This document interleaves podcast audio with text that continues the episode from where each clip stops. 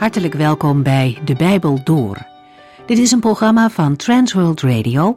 U kunt ons ook vinden op internet www.transworldradio.nl. De Bijbel Door is een radioserie die in vijf jaar tijd door de hele Bijbel gaat. Van Genesis tot Openbaring, van kaft tot kaft.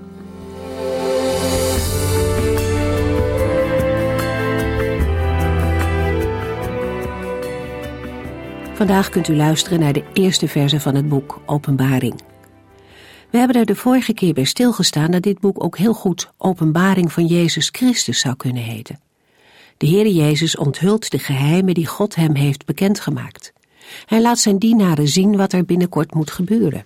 En daarom heeft hij zijn engel naar Johannes gestuurd om het hem allemaal te vertellen.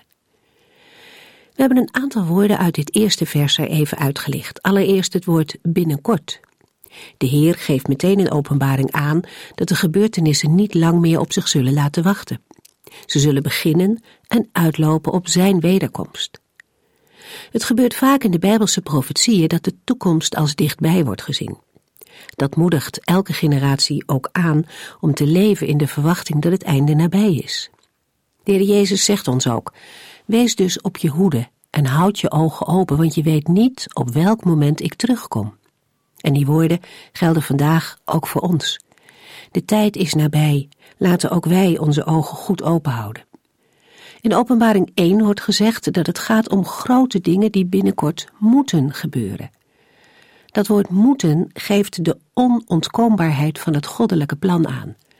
Gods regering gaat altijd vooruit. We hebben dat in de profetie van Ezekiel ook duidelijk gezien. De lijn gaat door tot het einde komt. Het Bijbelboek Openbaring laat ook zien dat er een conflict is dat deel uitmaakt van het goddelijke plan. God laat zien wat er volgens dit plan moet gebeuren. En net als eerder in de oud-testamentische profetieën zullen we lezen dat alles uitloopt op het eeuwige koningschap van God over heel de wereld. We gaan verder met de eerste verse van Openbaring 1.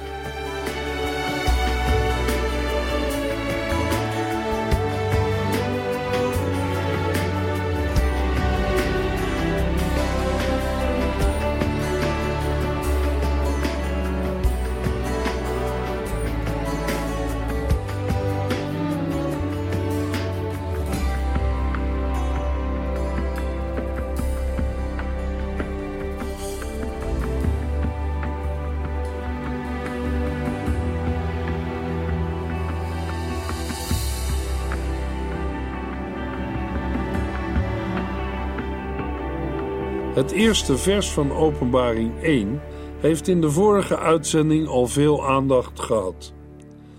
We lezen in Openbaring 1, vers 1: In dit boek onthult Jezus Christus de geheimen die God hem heeft bekendgemaakt. Hij laat zijn dienaren zien wat er binnenkort moet gebeuren. Daarom heeft hij zijn engel naar zijn dienaar Johannes gestuurd om het hem allemaal te vertellen. Het is prachtig om te lezen dat de Heere zelf wil dat zijn geheimen worden onthuld, omdat hij wil dat wij mensen weten wat er binnenkort moet gebeuren. Uit het eerste vers is ook duidelijk dat de onthulling van Gods geheimen niet zomaar aan iedereen bekend worden gemaakt. Het is wel de bedoeling dat alle mensen het zullen horen en weten, maar wordt door God zelf bekend gemaakt aan wie Hij wil. Daarom lezen we in dit boek onthult Jezus Christus de geheimen die God hem heeft bekendgemaakt. Via een engel maakt de heiland het bekend aan zijn dienaren, de profeten. De inhoud van het Bijbelboek Openbaring aan de apostel Johannes op Patmos. Johannes krijgt opdracht de woorden op te schrijven en zo wordt het een rondzendbrief naar zeven christengemeenten. We lezen in Openbaring 1 vers 11 Schrijf alles wat u ziet in een boek en stuur dat naar de zeven christengemeenten: Efeze, Smyrna, Pergamum, Thyatira, Sardes, Philadelphia en Laodicea. Net als destijds Jezaja wordt Johannes gevraagd om de dingen die hij ziet en hoort op te schrijven. Uit de herhaling van deze opdracht blijkt dat we deze opdracht mogen betrekken op het hele Bijbelboek Openbaring. Johannes introduceert zichzelf niet als de schrijver van een brief of een boek, maar als de ontvanger en doorgever van een boodschap die aan hem is geopenbaard. Hij moet alles in een boek, wat wil zeggen op een boekrol schrijven en de boekrol sturen naar de zeven christengemeenten die in vers 11 worden genoemd. Het bevel schrijf en stuur is een opdracht die inhoudelijk op hetzelfde neerkomt als de opdracht ga en zeg aan de oud-testamentische profeten. Met deze woorden krijgt de boodschap van Johannes een goddelijke legitimatie. In vers 10 schrijft Johannes: Ik hoorde een luide stem die klonk als een bazuin achter mij zeggen: Schrijf en stuur. Dit gebeuren doet ons denken aan een ervaring die Ezekiel had. Toen tilde de geest mij op en hoorde ik als een geweldig geruis de woorden: Geprezen zij de heerlijkheid van de Heere vanuit zijn woning. Door de wijze waarop Johannes zijn ervaring beschrijft, krijgen zijn visioenen een profetisch gezag dat gelijk is aan dat van de oud-testamentische profeten. Maar de vraag is wel: van wie is die stem? Aangezien de stem van Jezus wordt vergeleken met een donderende waterval en niet klonk als een bazuin, kunnen we aan de stem van een engel denken, die het visioen van de mensenzoon introduceert. Maar er zijn ook handschriften die in vers 11 de toevoeging hebben: Ik ben de Alpha en de Omega, de eerste en de laatste. In dat geval is het toch de Heer Jezus die spreekt. Bijbeluitleggers hebben zich afgevraagd waarom juist deze zeven christengemeenten worden genoemd en geen andere, zoals bijvoorbeeld Troas, Hierapolis of Colosse. Het is blijkbaar niet de bedoeling alle bestaande gemeenten in Klein-Azië te noemen, maar alleen een representatief aantal. Verder is het van belang te zien dat de keuze voor deze zeven christengemeenten niet door Johannes wordt gemaakt, maar door de Heer Jezus. Zo begint ook vers 1. In dit boek onthult Jezus Christus de geheimen die God hem heeft bekendgemaakt. Hij laat zijn dienaren zien wat er binnenkort moet gebeuren. Daarom heeft hij zijn engel naar zijn dienaar Johannes gestuurd om het hem allemaal te vertellen. Het initiatief gaat van God uit. In het eerste gedeelte van het Bijbelboek Openbaring zien we de persoon van Christus. We zien hem in zijn heerlijkheid en in zijn positie als de grote hoge priester die zijn kerk, zijn gemeente bestuurt. We zien hem in zijn hoogste autoriteit en absolute zeggenschap over alle dingen. In de evangeliën zien we de Heer Jezus Christus zachtmoedig, nederig, eenvoudig en stervend aan een kruis. In Matthäus 20, vers 28 zegt de Heer Jezus tegen zijn leerlingen: Jullie moeten net zo zijn als ik, de mensenzoon, want ik ben niet gekomen om mij te laten dienen. Ik ben gekomen om te dienen en mijn leven te geven als losgeld voor vele mensen. Maar zo ontmoeten wij de heiland niet in het Bijbelboek Openbaring. Daar is hij de overwinnaar. Hij heeft het voor het zeggen en bepaalt alle dingen. Zeker, hij is het lam van God. Maar we zien in het Bijbelboek Openbaring ook de toorn van het lam, die de zeven zegels verbreekt en rampen over de aarde brengt. Zeker, het hoofdthema van de hele Bijbel is de Heer Jezus Christus. De hele Bijbel, Gods Woord, vertelt wat de drie-enige God heeft gedaan, doet en zal doen. Het Bijbelboek Openbaring benadrukt dit in het bijzonder. Daarom begint het Bijbelboek met de woorden: In dit boek onthult Jezus Christus de geheimen die God hem heeft bekendgemaakt. Hij laat zijn dienaren zien wat er binnenkort moet gebeuren. Daarom heeft hij zijn engel naar zijn dienaar Johannes gestuurd om het hem allemaal te vertellen. En in het laatste hoofdstuk, in Openbaring 22, vers 10, wordt Johannes geïnstrueerd met de woorden: Verzegel dit boek met profetische woorden niet, want de tijd waarin zij uitkomen is niet ver meer. De profeet Daniel uit het Oude Testament kreeg een andere instructie. We lezen in Daniel 12, vers 4: Maar Daniel houdt deze profetie geheim. Verzegel wat u hebt opgeschreven tot de eindtijd. Velen zullen zich erin verdiepen en men zal veel meer inzicht in deze zaken krijgen. Als afronding van het visioen krijgt Daniel opdracht de woorden af te sluiten en het boek waarin dit visioen en de toelichting staat te verzegelen. De opdracht tot verzegeling houdt ook in dat er geen nieuwe zaken meer aan Daniel zullen worden geopenbaard. Maar dat hoeft niet in te houden dat de inhoud onbekend moet blijven, maar kan ook betekenen dat door de officieel vastgelegde tekst latere controle mogelijk is. Terwijl de profeten hun profetie moesten verkondigen, krijgt Daniel de opdracht zijn visioen op te bergen, om het veilig te stellen. De verzegeling zorgt ervoor dat de inhoud niet meer kan worden gewijzigd. Het is mogelijk dat het boek Daniel eerst in beperkte kring circuleerde, namelijk binnen de kring van wijzen, die pas in later tijd de boodschap meer in de openbaarheid brachten. Een ander aspect is dat belangrijke documenten in het oude nabije Oosten in tweevoud werden geschreven. Het originele document werd zorgvuldig bewaard, zodat het altijd later geraadpleegd kon worden. Er mochten wel kopieën gemaakt worden, maar het origineel moest ter controle kunnen worden geraadpleegd. Belangrijke documenten werden in die tijd verzegeld. Daarbij werd eerst het zegel van de schrijver geplaatst aan het eind van de geschreven tekst en daarna de zegels van de getuigen die hoorden wat er was gezegd tegen de schrijver. Het was gebruikelijk om een tweede tekst te hebben, een afschrift, eveneens voorzien van een zegel.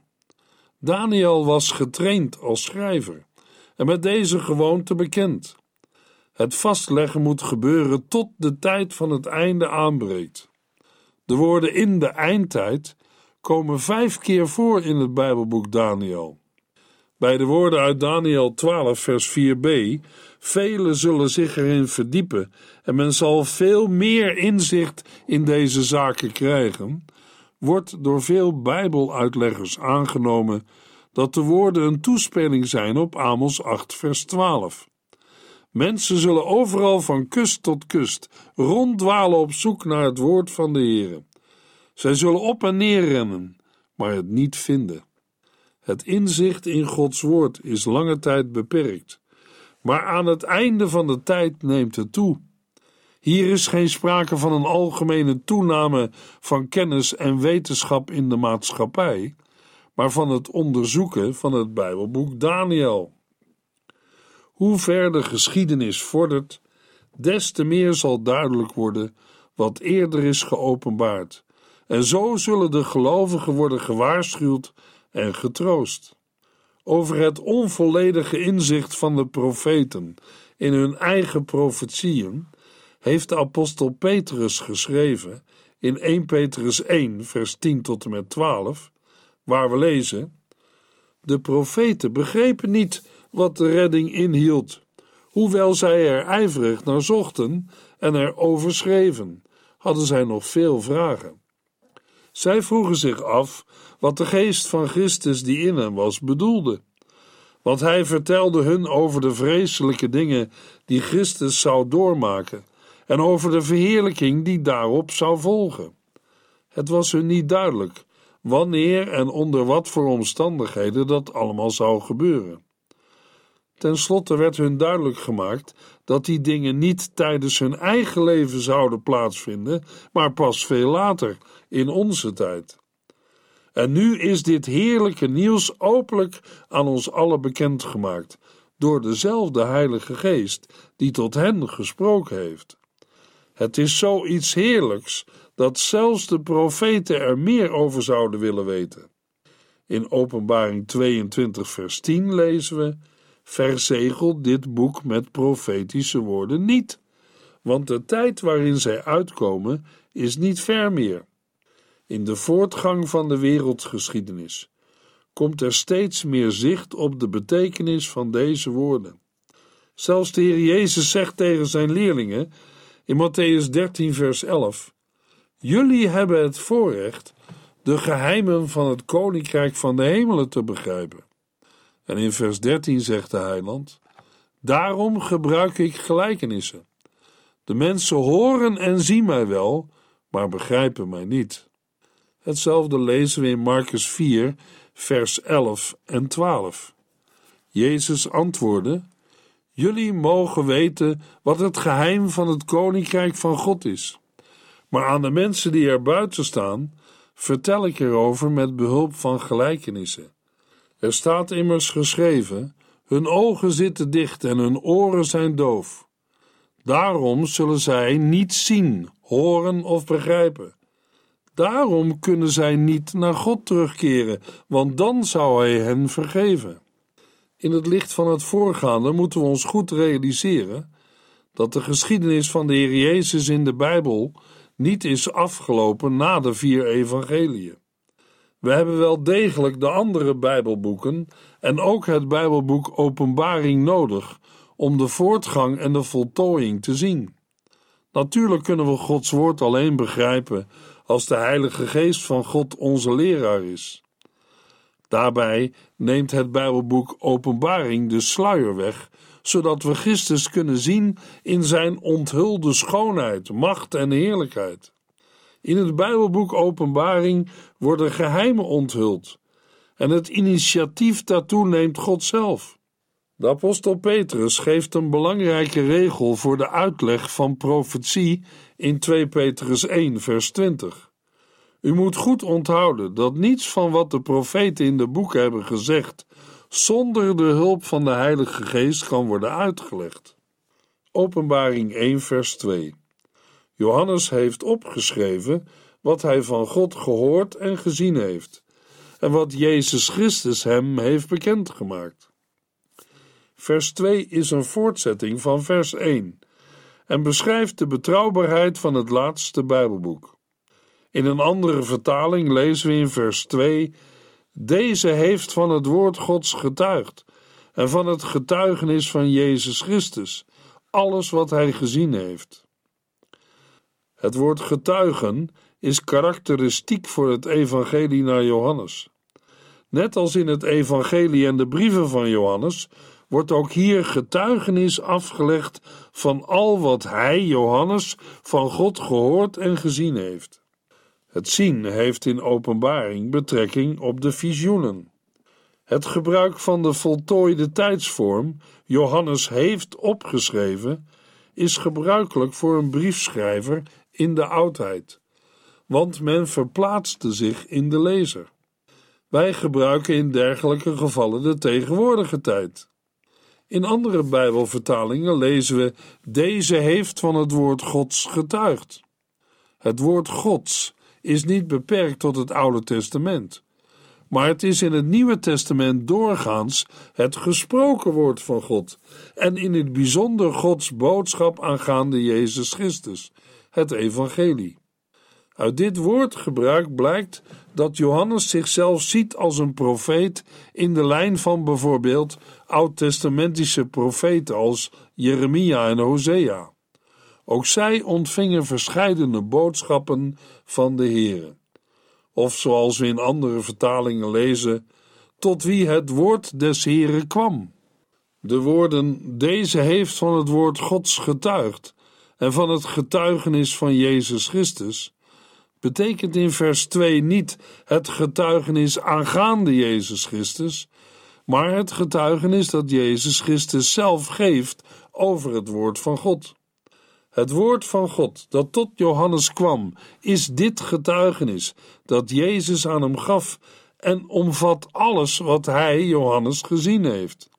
Dat wil zeggen de inhoud van het Bijbelboek Openbaring. Openbaring 1 vers 3 Gelukkig is hij die deze profetie van de Heere voorleest En gelukkig zijn zij die er naar luisteren en zich eraan houden. Want de tijd dat deze dingen werkelijkheid worden, komt steeds dichterbij. Het opschrift van het Bijbelboek Openbaring sluit af met een zaligspreking. In de Griekse tekst lezen we: Zalig de voorlezende en de luisterenden naar de woorden van de profetie, en de bewarenden de in haar geschreven dingen, want de tijd is dichtbij. Het is de eerste van zeven zaligsprekingen in het Bijbelboek Openbaring. Zalig of gelukkig staat tegenover wee of och en betekent gelukkig te prijzen.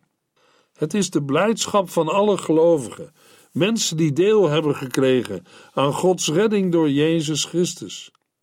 De woorden Hij die deze profetie van de Heere voorleest, geeft aan dat de openbaring hardop is voorgelezen in de samenkomsten van de plaatselijke christengemeenten. Het voorlezen kon in principe worden gedaan door iedereen die daarvoor werd gevraagd. De praktijk van het voorlezen in de christelijke gemeente werd overgenomen van de Joden.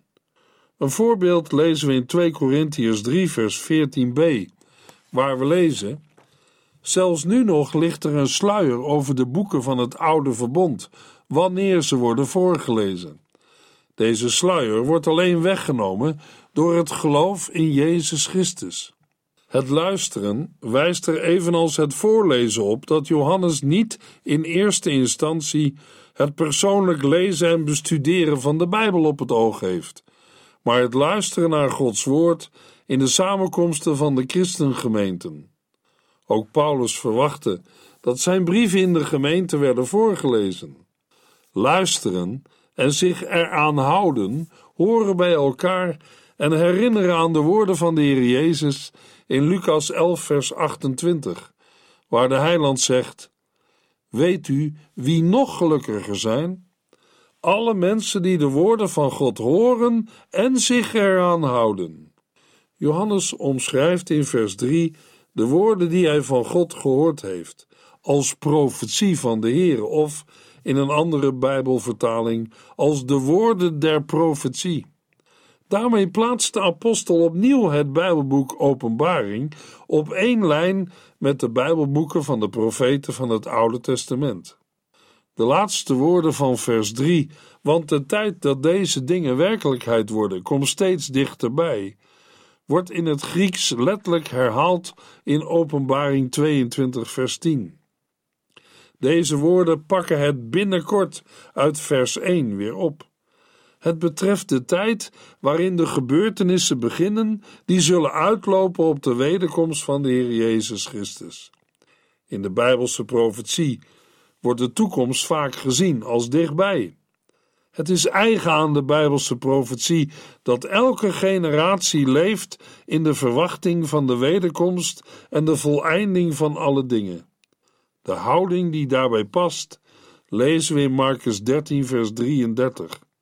Wees dus op je hoede en houd je ogen open, want je weet niet op welk moment ik terugkom. Openbaring 1, vers 4. Dit schrijft Johannes aan de zeven christengemeenten in Azië. Ik wens u de genade en vrede toe van God, die is en die was en die komt, van de zeven geesten die voor zijn troon staan, en van Jezus Christus, die ons trouw de hele waarheid bekend maakt. De versen 4 tot en met 8 kunnen we zien als een inleiding op het Bijbelboek Openbaring. In deze inleiding blijkt dat het Bijbelboek een brief is, die naar de gewoonte van die tijd begint met het noemen van de afzender, de geadresseerde en een groet. Johannes schrijft aan zeven christengemeenten in Azië. In andere Bijbelvertalingen lezen we Johannes aan de zeven gemeenten die in Azië zijn. Met Azië of Azië wordt Klein-Azië bedoeld, het huidige Turkije. De opdracht om te schrijven heeft de Heer hem zelf gegeven. Het getal zeven is het Bijbelse symbool van volheid. We kunnen hieruit concluderen dat deze zeven christengemeenten representatief zijn voor alle christengemeenten in Klein-Azië en zo ook voor de kerk in het algemeen. Dit laatste blijkt ook uit het wereldwijde karakter van de oordelen die in dit Bijbelboek worden beschreven, en uit het feit dat na hoofdstuk 3 geen melding meer wordt gemaakt van plaatselijke christengemeenten. Johannes schrijft: Ik wens u de genade en vrede toe van God, die is en die was en die komt. Van de zeven geesten die voor zijn troon staan, en van Jezus Christus, die ons trouw de hele waarheid bekend maakt. Genade en vrede zijn de twee kernwoorden in de christelijke groet. Deze zegen wordt aan de gelovigen gegeven door de drie-enige God, Vader, Zoon en Heilige Geest. Hij die is, die was en die komt, is een vrije weergave van de naam van de Heere. De naam zoals de Heere deze aan Mozes heeft geopenbaard. In Exodus 3, vers 14, waar we lezen: Zijn naam is: Ik ben die ik ben. Een omschrijving zoals de apostel Johannes die hier geeft, was bij de Joden niet ongebruikelijk. De zeven geesten zijn geen engelen. Bovendien zou hun gelijkstelling met God en Jezus Christus wijzen op een engelenverering die elders beslist wordt afgewezen. Zowel hun plaats tussen God en Jezus Christus als de oud-testamentische achtergrond wijzen op de Heilige Geest. De bepaling die voor zijn troon staan, spreekt over de omgeving en verbondenheid van de zeven geesten met God en zegt ook dat zij in dienst staan van zijn heerlijkheid. Bovendien worden deze geesten in Openbaring 3 vers 1 en 5 vers 6 nauw met de Heer Jezus Christus verbonden. Het is de geest van Jezus Christus. Met de zeven geesten is de Heilige Geest in zijn zevenvoudige volheid bedoeld. Mogelijk houdt deze spreekwijze verband met de zeven christengemeenten waarin de geest van God werkt.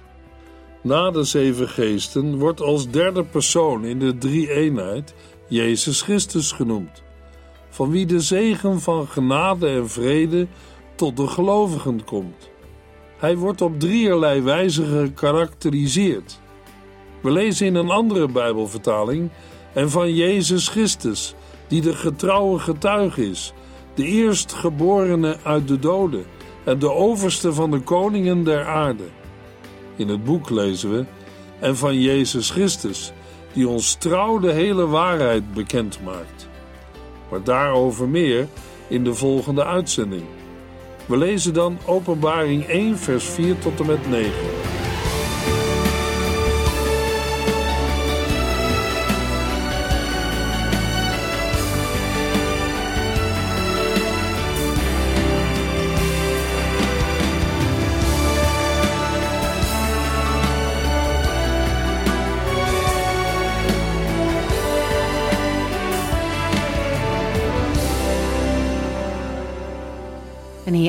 Deze aflevering van De Bijbel Door. Een serie programma's van Transworld Radio. Wilt u ons iets vragen of meer weten? Dan kunt u altijd contact met ons opnemen.